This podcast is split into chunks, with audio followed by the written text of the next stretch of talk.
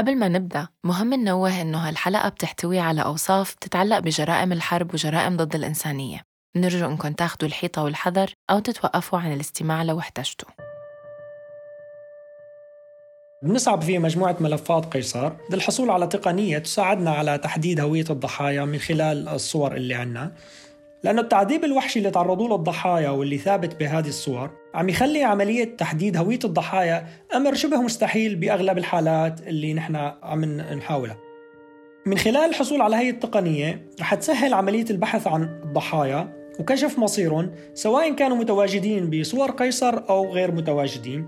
وهذا من شأنه يساعد الأهالي بالوصول لحقهم في المعرفة وكشف الحقيقة وبيدعم حقهم كمان بملاحقة مرتكبي الانتهاكات بحق الضحايا في حال رغبوا في سلوك طريق الإجراءات القضائية.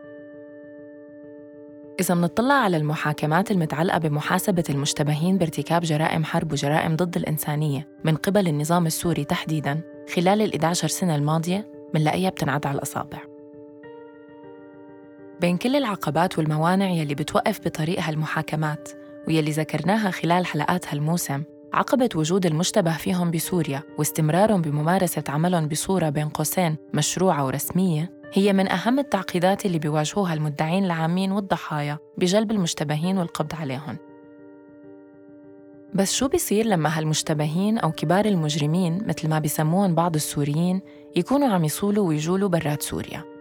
ببلدان عندها القدرة والصلاحية إنها تلقي القبض عليهم وتسلمهم للقضاء لكنها بتوفر لهم الحماية وسلاسة الدخول والخروج أو حتى بتتجاهلهم كلياً.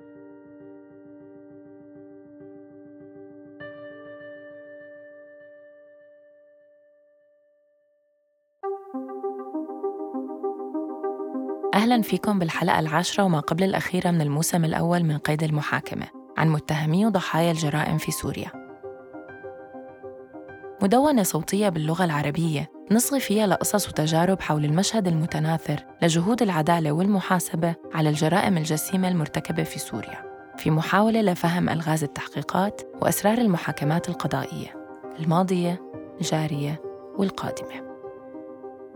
اسمي كريستينا كغدو ورح كون عم رافقكم خلال حلقات هالموسم يلي رح نصغي فيه لشهود وشاهدات أصحاب قصص صوت الشارع ومختصات وأخصائيين بالشأن القضائي والحقوقي. لنحاول نفكك ونفهم مع بعض. لوين ممكن تاخدنا هاي المحاكمات؟ وشو هو معنى العدالة بظل استمرارية رئاسة النظام السوري المسؤول عن انتزاعها؟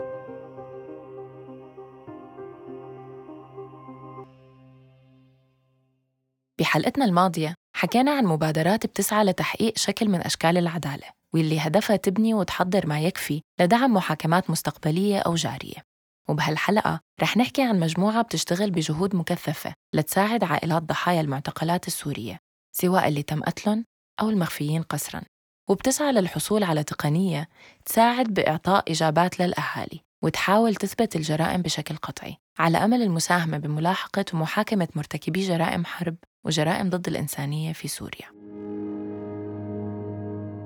من خلال حديثنا عن مجموعة ملفات قيصر وشغلهم رح نتعرف كمان على أبرز المشتبه فيهم يلي ما زالوا عم يتحركوا بكل راحة جوا سوريا وبراتها. اسمي إبراهيم القاسم محامي ومدافع عن حقوق الإنسان عضو مؤسس في منظمة مجموعة ملفات قيصر أعمل كمستشار قانوني في المركز الأوروبي للحقوق الدستورية وحقوق الإنسان. حصلت على درجة الماجستير في حقوق الإنسان من الجامعة الأوروبية المركزية في آه، فيينا.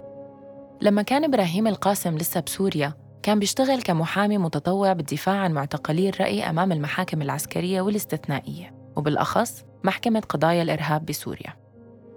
بعد مغادرته البلد بنهاية 2014 كمل بنفس المجال واستمر بتوثيق الانتهاكات الجسيمة لحقوق الإنسان بسوريا وببناء ملفات قضائية لملاحقة مرتكبيها وتقديمها أمام المحاكم الوطنية الأوروبية. هي المحاكم من حيث المبدأ هي خطوة جيدة في طريق طويل لتحقيق العدالة في سوريا. وملاحقة مجرمي الحرب فيها. وخطوة مهمة آه، كمان في سبيل بناء دولة يكون فيها سيادة القانون هو حجر الأساس. دخول إبراهيم القاسم على ملفات قيصر ما كان بالصدفة. شغله السابق والحالي لعبوا دور كبير بكيف وصلت الصور لعنده وساهموا بتشكيل المجموعة وبدء العمل فيها. بسبب عملي التطوعي في دعم المعتقلين والمعتقلات في سوريا ولاحقا تقديم المساعدة القانونية للمعتقلين واللاجئين السوريين والفلسطينيين السوريين بلبنان. تم التواصل معي من قبل المصور العسكري قيصر وسامي من خلال أصدقاء مشتركين فيما بيننا بعد تبادل الآراء والأفكار حول قضية المعتقلين والمختفين قسريا والمحاسبة تم الاتفاق فيما بيننا على العمل معا أو على تشكيل مجموعة ملفات قيصر آه، بهدف دعم الضحايا وعائلاتهم من خلال تقديم المعلومات آه، لهذه العائلات أو الضحايا وتوثيق الانتهاكات في سوريا. والعمل على بناء ملفات قضائية لملاحقة مجرمي الحرب في سوريا.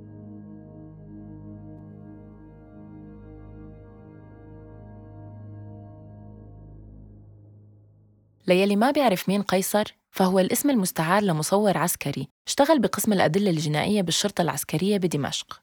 خلال عمله التقط صور لجثث معتقلين انقتلوا تحت التعذيب أو تم إعدامهم ميدانياً أو ماتوا من سوء التغذية والمرض. داخل المعتقلات.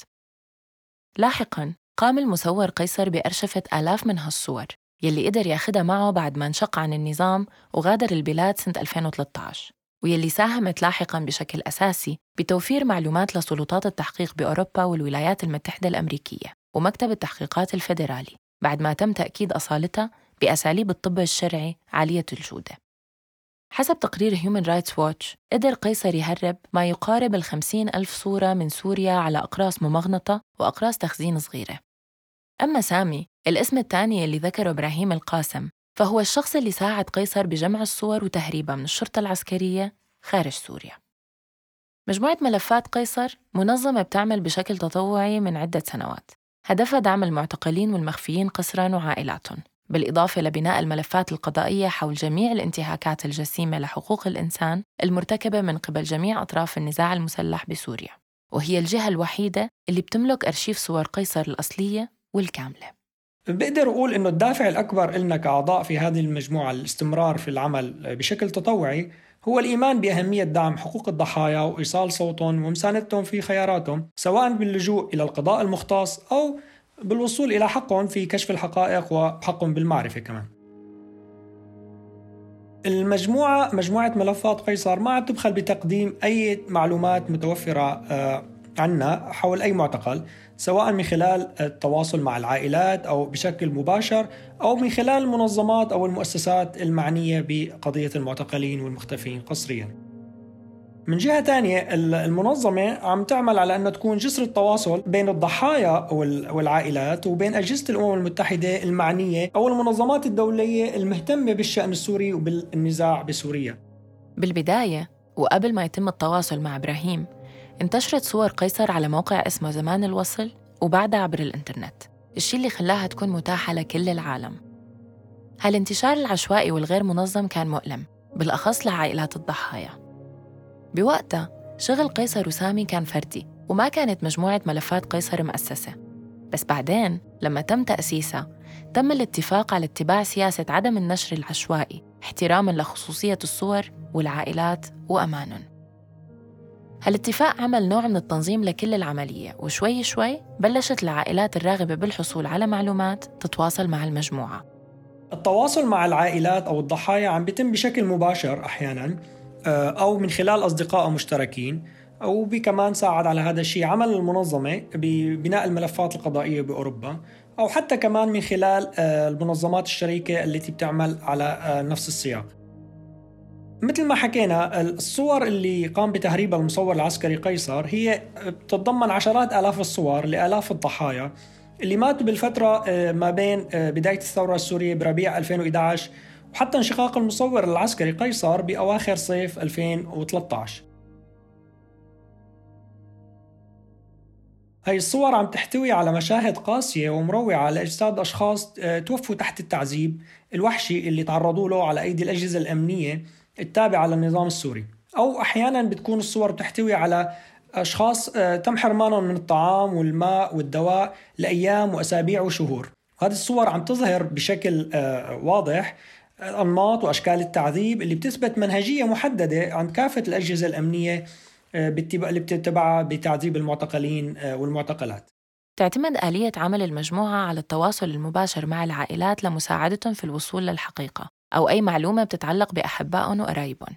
بعد ما يتم التواصل بتبدأ خطوات التدقيق بالمعلومات اللي عندهم ومقاربتها بالمعلومات اللي عند الأهالي لمساعدتهم بشكل أساسي بتحديد هوية أحبابهم اللي بهالصور نحن بمجموعة ملفات قيصر عم نحرص على العمل بكل سرية بحيث نعتمد على التواصل المباشر مع العائلات أو الأفراد آه، من خلال اعتماد التواصل الشخصي آه، مباشرة معهم أو استخدام برامج اتصال آمنة أو بسياق آخر المنظمة أو بجانب آخر المنظمة ما بتقوم بنشر أي معلومات عن العائلات اللي بتتواصل معنا. وبيكون الخيار الأول والأخير هو فقط للعائلات في حال رغبة هاي العائلات بإعلان التواصل آه، مع مجموعة ملفات قيصر. هلأ إذا بدنا نحكي عن ال ال ال الأخطار اللي ممكن تحيط بالعائلات أو الضحايا أو الأفراد اللي عم يتواصلوا معنا ممكن نحكي عن هذا الموضوع بعدة نواحي. في عنا الخطر اللي بيلحق بالصحة النفسية والعقلية للأهالي بسبب الصور اللي بتتضمن آه، مقاطع أو آه، لقطات قاسية مروعة للضحايا بالإضافة أنه ما في آه، عنا خبراء صحة نفسية وعقلية وحتى الأطباء الناحية الجسدية قادرين على دعم هذه العائلات اللي منتشرين بالعديد من دول اللجوء أو حتى في داخل سوريا. ويمكن الحديث كمان بنفس بالمقابل عن نفس المخاطر اللي بتحيط بأعضاء مجموعة ملفات قيصر بهذا الجانب. من جهة تانية فينا نقول إنه في خطر أمني دائما بيتمثل بخوف الأهالي آه، من إنه الأجهزة الأمنية التابعة للنظام السوري ممكن تنتقم من الأهالي اللي هم عم يسعوا خاصة اللي داخل سوريا اللي لساتهم داخل سوريا اللي عم يسعوا ليعرفوا مصير آه، أقربائهم أو حتى الحصول على أي معلومات آه، تعطيهم دلالة على بقائهم على قيد الحياة أو وفاتهم. الأجهزة الرسمية بسوريا بتحاول تبعد العيال عن الوصول للمعلومات يلي ممكن تؤدي لملاحقة مرتكبي الانتهاكات. لما عيلة تقدر تتعرف على قرايبها أو أحبابها بمساعدة مجموعة ملفات قيصر بيمكنهم هالشي من إضافة هالمعلومة لبقية المعلومات اللي عندهم من مصادر تانية مثل شهادة صديق أو قريب كان بنفس الزنزانة سابقاً أو حتى المعلومات الرسمية اللي حصلوا عليها من السلطات بسوريا مثل مكان وتاريخ الاعتقال والاحتجاز والفرع اللي انوجدوا فيه. مثل ما صار مع مريم حلا اللي شاركتنا قصتها بالحلقة السادسة. عن طريق المقارنة ومطابقة الصور ببقية المعلومات في احتمال يصير بناء لقضية. من شأن استهداف مسؤولين معينين اشتغلوا بالمكان اللي كانوا فيه الضحايا قبل ما يختفوا أو يتم قتلهم. بالنتيجة ومن خلال هيك أدلة وملاحقات المساءلة والمطالبة بجلب فرد أو مجموعة من المشتبه فيهم للقضاء من الممكن أنها تصير متاحة وممكنة بشكل أكبر وأسرع. معرفة إجابات بيعني زيادة الأدلة وهالشي بيساعد بتحريك قضايا بعدها عالقة أو حتى مو مبلشة. كتار من المشتبه فيهم بارتكاب جرائم واسعة النطاق سواء اللي منسمع عنهم أو يلي ما منعرفهم لساتهم فارين من العدالة والبعض حتى بتنعموا بحرية التنقل وغيرها من الحريات. وهذا الحكي مو بس جوا سوريا وتحت حماية النظام السوري وإنما كمان براتها وبدول قادرة أنها تلاحق وتحاكم هالمشتبه فيهم. نذكر منهم على سبيل المثال للحصر خالد الحلبي، جميل حسن وأمجد يوسف. خالد الحلبي رئيس فرع المخابرات العامة بالرقة لخمس سنوات. آخرها كانت سنة 2013 وقت انشق ويعتبر من أكبر الضباط السوريين على الأراضي الأوروبية بالوقت الحالي. انشق خالد عن النظام السوري وهرب من البلد بأوائل سنة 2013 القصة المذكورة عن تنقله بين الدول وحتى وصوله على النمسا يلي يقال إن قدمت له لجوء سياسي تشبه قصة أنور رسلان يلي تقدم له لجوء سياسي بألمانيا قبل ما يتم الحكم عليه بالسجن مدى الحياة بمحكمة كوبلنز بس الفرق بيناتهم إنه الحلبي لساته حر طليق. يعتبر الحلبي مسؤول بشكل مباشر عن عمليات قمع وحشي للمظاهرات وبحلول منتصف ل 2012 وبناء على تحقيقات لجنة العدالة كان الفرع اللي اشتغل فيه الحلبي يعتقل حوالي 15 شخص يومياً. وكان يتم تجريد المعتقلين من أواعيهم ويتم وضعهم بزنزانات وسخة ومزدحمة يعانوا فيها من الجوع والمرض والعدوى. الفرع ذاته حول وحدات التخزين بالطابق اللي تحت الأرض لزنازين فردية لكنها كانت تضم عشر أشخاص أو أكثر حسب تقرير نيويوركر من المحتمل أنه الحلبي يكون أصدر أوامر بإطلاق النار على أي تجمع بيحتوي أكثر من أربع أشخاص بالرقة. بالإضافة لشن هجمات وحشية على المتظاهرين بين سنة 2011 وحتى تاريخ انشقاقه. غير الاشتباه بانتهاكات وتعذيب بحق المعتقلين داخل فرع أمن الدولة بدمشق قبل ما ينتقل للعمل بالرقة. حسب نفس التحقيق المعمق اللي نشرته جريدة نيويوركر يقال أن الحلبي كان على اتصال مع الاستخبارات الفرنسية في عمان الأردن سنة 2013 بعد انشقاقه. ومن هنيك تم نقله سرا لفرنسا محل ما كان مقدم طلب لجوء. إلا أنه وجوده بفرنسا مع كل الاتهامات والشكوك الموجهة ضده والاشتباه فيه كمجرم حرب بدأ يحرج الحكومة الفرنسية ولهيك تم رفض طلبه ومن هنيك يقال أنه طلع على النمسا محل ما يعتقد أنه حصل على لجوء سياسي سنة 2015 بحجة الخوف عليه من خطر تهديد السوريين له بفرنسا. حالياً عم تحشد الجهات الفاعلة بالمجتمع المدني كل جهودها لجر الحلبي على المحكمة بالنمسا. على أمل توجيه تهم رسمية ومن بعد إدانته بالجرائم المشتبه فيه بارتكابها لكن السلطات النمساوية عم تكون بطيئة كتير بالاستجابة للأدلة الملموسة ضد الحلبي من سنة 2016 ومن خالد الحلبي لجميل الحسن رئيس إدارة المخابرات الجوية من 2009 لغاية 2019 واللي قبل هيك خدم بعهد حافظ الأسد. جميل الحسن متهم بألمانيا وفرنسا بارتكاب جرائم ضد الإنسانية. الشيء اللي دفع السلطات الألمانية والفرنسية لإصدار مذكرات توقيف دولية رسمية بحقه وطالبوا الجهات الرسمية ببيروت بتسليمه إلا أنه اعتقاله ما تم. المطالبة بتسليمه حسب صحيفة شبيغل إجت بعد ما عرفوا محققين ألمان عن معلومات بتفيد بأنه دخل على لبنان ليتعالج بوحدة من مستشفياتها ويقال أيضاً أنه لليوم بيسافر مثله مثل أعضاء نظام تانيين بصورة متكررة على لبنان. من جميل الحسن لأمجد يوسف. أحد منفذي مجزرة التضامن واللي تم نشر تحقيق معمق عنه مؤخراً بجريدة الجارديان حسب التقرير تم تنفيذ المجزرة على أيادي مجموعة من الجيش السوري ومنهم أمجد يوسف بتاريخ 16 نيسان سنة 2013 بحي التضامن بدمشق. المجزرة أسفرت عن مقتل ما يقارب ال 41 شخص تم إطلاق النار عليهم بالوقت اللي كانت في عيونهم معصوبة وبعدها تم رميهم بحفرة كبيرة. قبل ما يتم دفنهم بنفس الحفرة يلي تحولت لمقبرة جماعية. بشاعة هالمجزرة هزت السوريات والسوريين والمجتمع الدولي كله. الشيء اللي أدى لانتشار التقرير بشكل كثيف وواسع. لكن أمجد يوسف بالإضافة لأنه لساته بيتجول بحرية بسوريا يقال إنه ما زال بيشغل نفس المنصب يلي ارتكب فيه الجرائم المتهم فيها. تقرير الجارديان بيقول إنه في احتمال إنه يكون تم التعرف على واحد من شركاء أمجد بتنفيذ المجزرة بعيش حالياً بألمانيا واللي إذا تم القبض عليه احتمال إنه يساعد بالقضية اللي عم يتم بناءها ضد أمجد غير إنه هو نفسه ممكن كمان يتحاكم.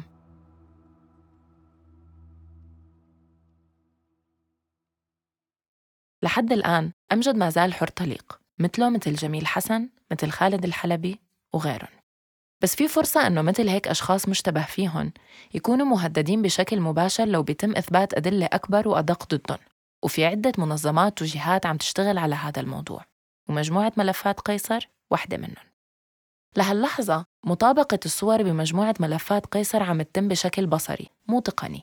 والسبب هو عدم توفر التقنيات المتاحة الخاصة بهيك قضايا بين إيديهم لكن المجموعة بلشت تدور مؤخراً على طرق حديثة وتقنيات خاصة تساعدهم بالوصول لمعلومات أدق وأوضح وأعمق.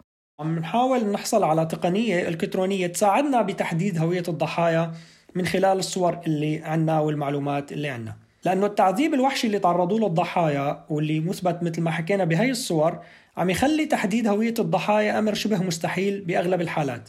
بالإضافة لهذا الشيء أنه ما عندنا أي معلومات شخصية رسمية أو آه، عن هوية الضحايا المتواجدين داخل الصور. بجانب تاني اللجوء لفحص الفحص الحمض النووي حاليا غير ممكن بالحالة اللي إحنا فيها بسوريا. أول شيء لأنه أماكن دفن الضحايا غير معروف مجهول.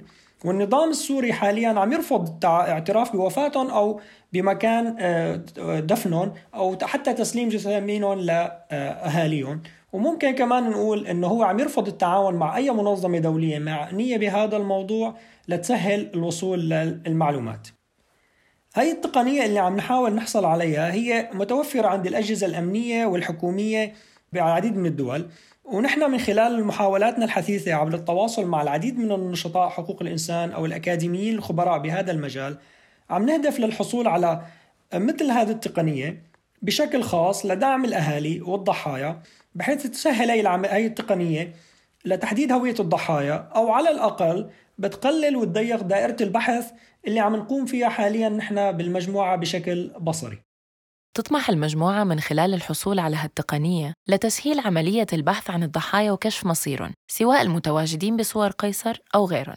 الشيء اللي ممكن يساعد الأهالي بالوصول لحقهم في المعرفة وكشف الحقيقة. بالإضافة لإمكانية تحريك الملاحقات القضائية ضد مرتكبي الانتهاكات بحق الضحايا في حال كان عندهم الرغبة بسلك طريق الإجراءات القضائية. تقنية الذكاء الاصطناعي هاي بتشتغل عن طريق خوارزميات بتعتمد على مطابقة ملامح وجوه الضحايا مع صور إلهم قبل اعتقالهم. وبعد هيك ومثل ما وضحت سابقاً بتتأمل المجموعة أنه استخدام مثل هالتقنية يكون سبيل لكشف المزيد من الحقائق بانتهاكات تانية. إبراهيم القاسم تواصل مع خبراء مختلفين بهذا السياق وأكدوا له جدية هاي التقنيات وآلية عملها وقدرتها على المطابقة. بس لحد هلأ المجموعة ما عندها القدرة على الحصول على هالتقنية. حصولنا على هي التقنية ما بالأمر السهل لأنه هذا الموضوع بحاجة لتوفر إمكانيات هائلة بالإضافة أنه في عرقلة آه، لعملنا بالوصول أو سعينا للوصول لمثل هذه التقنيات حتى لكل المنظمات الحقوقية لأنه الجهات الحكومية أو الاستخباراتية بتخاف من استخدام مثل هذه التقنيات عبر أشخاص أو منظمات هم ما لهم صفة حكومية أو رسمية. نحن من آمن أنه هي العملية من المحتمل أنه يكون لها دور كبير بإدانة مجرمي الحرب بسوريا. بيكفي أنه نقول حاليا على الرغم من عدم تحديد هوية العدد الأكبر من الضحايا بهذه الصور لكن لسه هذه الصور عم يتم اعتمادها كحجر أساسي في كل التحقيقات الهيكلية الجارية بالعديد من الدول الأوروبية مثل ألمانيا أو فرنسا أو غيرها وبالولايات المتحدة الأمريكية بكل ما يتعلق بجرائم التعذيب أو القتل خارج إطار القانون أو الاختفاء أو الاعتقال القسري وحتى جرائم مثل التهجير القسري ممكن الاعتماد فيها على هذه الصور لإثبات آه، هذه الجريمة وما بنكون عم نبالغ ابدا إذا بنقول إنه توفير مثل هذه التقنية رح يكون آه، سبب أساسي بتوفر أدلة قضائية مهمة جدا لعشرات السنين بمستقبل سوريا وبتحقيق العدالة فيها. الأيام الجاية رح تورجينا إذا كانت مجموعة ملفات قيصر رح تكون قادرة إنها تستخدم هالتقنية رغم كل التحديات المحيطة بالحصول عليها. ووقتها رح تبلش رحلة جديدة للمجموعة ولعائلات الضحايا. على أمل الاقتراب من المحاسبة والمساءلة على نطاقات أوسع وأعمق. لأشخاص مشتبه فيهم لكنهم ما زالوا أحرار طلقاء بنهاية حديثنا سألنا إبراهيم القاسم عن رأيه حول المحاكمات الجارية والمستقبلية بأوروبا ودول غربية تانية وعن شو بيتمنى هو ومجموعة ملفات قيصر لسوريا ومستقبل شعبها هلا بالبداية آه، لازم نقول إنه العدالة والتمتع بها هو حق شخصي فردي قبل ما يكون هو حق جماعي. لذلك لا يمكن فرض آه، أي مفهوم للعدالة أو العفو أو التسامح على أي شخص أو أي عائلة. مفهوم العدالة اللي أنا بأمن فيه هو لا ما بيقتصر على العدالة القضائية فقط لكن بيشمل كمان العدالة الاجتماعية والسياسية والاقتصادية والثقافية لضمان المساواة وصون الكرامة الجميع في المجتمع السوري. وبدون تحقيق كل هذا هذه الأشكال للعدالة رح نكون أمام صراعات مستقبلية إن لم تكن مسلحة لكن رح تكون على كافة أصعدة الحياة بالمجتمع السوري لسنوات طويلة بالمستقبل. كثير مهم نوضح ونأكد أنه القضاء الدولي سواء المحاكم الجنائية الدولية المشكلة سابقا بحالات مثل يوغوسلافيا السابقة أو المحكمة الجنائية الدولية أو المحاكم الأوروبية الوطنية اللي بتعتمد الولاية القضائية العالمية الشاملة هو قضاء استثنائي وتكميلي للقضاء الوطني بأي دولة ثانية الأساس بالمحاكمات بهذا النوع آه، من الجرائم هو أنه يتم اللجوء إلى القضاء الوطني لملاحقة آه، مرتكبي مثل هذه الجرائم. لا يمكن تصور أن يقوم القضاء في دول آه، مثل ألمانيا أو الدول الأوروبية بالنظر بجميع الانتهاكات الجسيمة لحقوق الإنسان في سوريا اللي هي مستمرة على مدار الساعة من بداية 2011 وهون بيكون بعدة عوامل أو بسبب عدة عوامل أهمها الحجم الكبير لهي الانتهاكات وجسامتها والتكلفة العالية لمثل هذه الإجراءات القضائية. وبالمحصلة كمان عدم القدرة للوصول إلى مسرح الجريمة بداخل سوريا وجمع الأدلة بشكل مباشر. برأيي أن سوريا بتحتاج لسلام بيترافق مع تحقيق العدالة لكل السوريين وهذا السلام ما بيتحقق ابدا بدون ضمان آه، ودعم وتسهيل وصول الجميع إلى العدالة اللي هن عم ينشدوها أو بيرغبوا فيها. وما بيتحقق بدون وجود آه، رغبة دولية حقيقية بوضع حد هذا الانتهاكات وتحقيق السلام بسوريا. كمان ما يمكن تصوره آه، باستمرار أمراء الحرب بسوريا وعلى رأسهم النظام السوري وحلفائه من دول مثل إيران وروسيا. ووجود الميليشيات كافة السورية ولا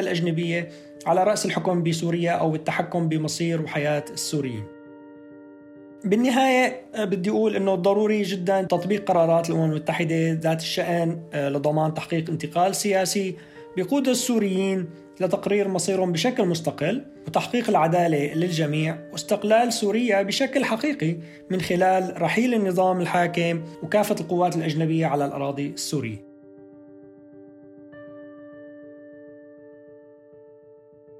حلقتنا الجاية رح تكون الأخيرة بهالموسم ورح نرجع فيها للنقطة يلي بلشنا منها. لمين العدالة؟ وشو بتعني؟ وكيف تشتغل ومنها لوين؟ هالحلقة من كتابة وإعداد وإنتاج سليم سلامة. تحرير وتحقق من المعلومات ميس قات تقديم ومشاركة بالتحرير كريستينا كغدو. مشاركة بالتحرير فريتز سترايف وباقي فريق العمل يلي بتلاقوا بعض أساميهم بالوصف المكتوب. أنتجت هالحلقة بدعم من وزارة الخارجية الألمانية عبر معهد العلاقات الخارجية وبرنامج تمويل تيفيك.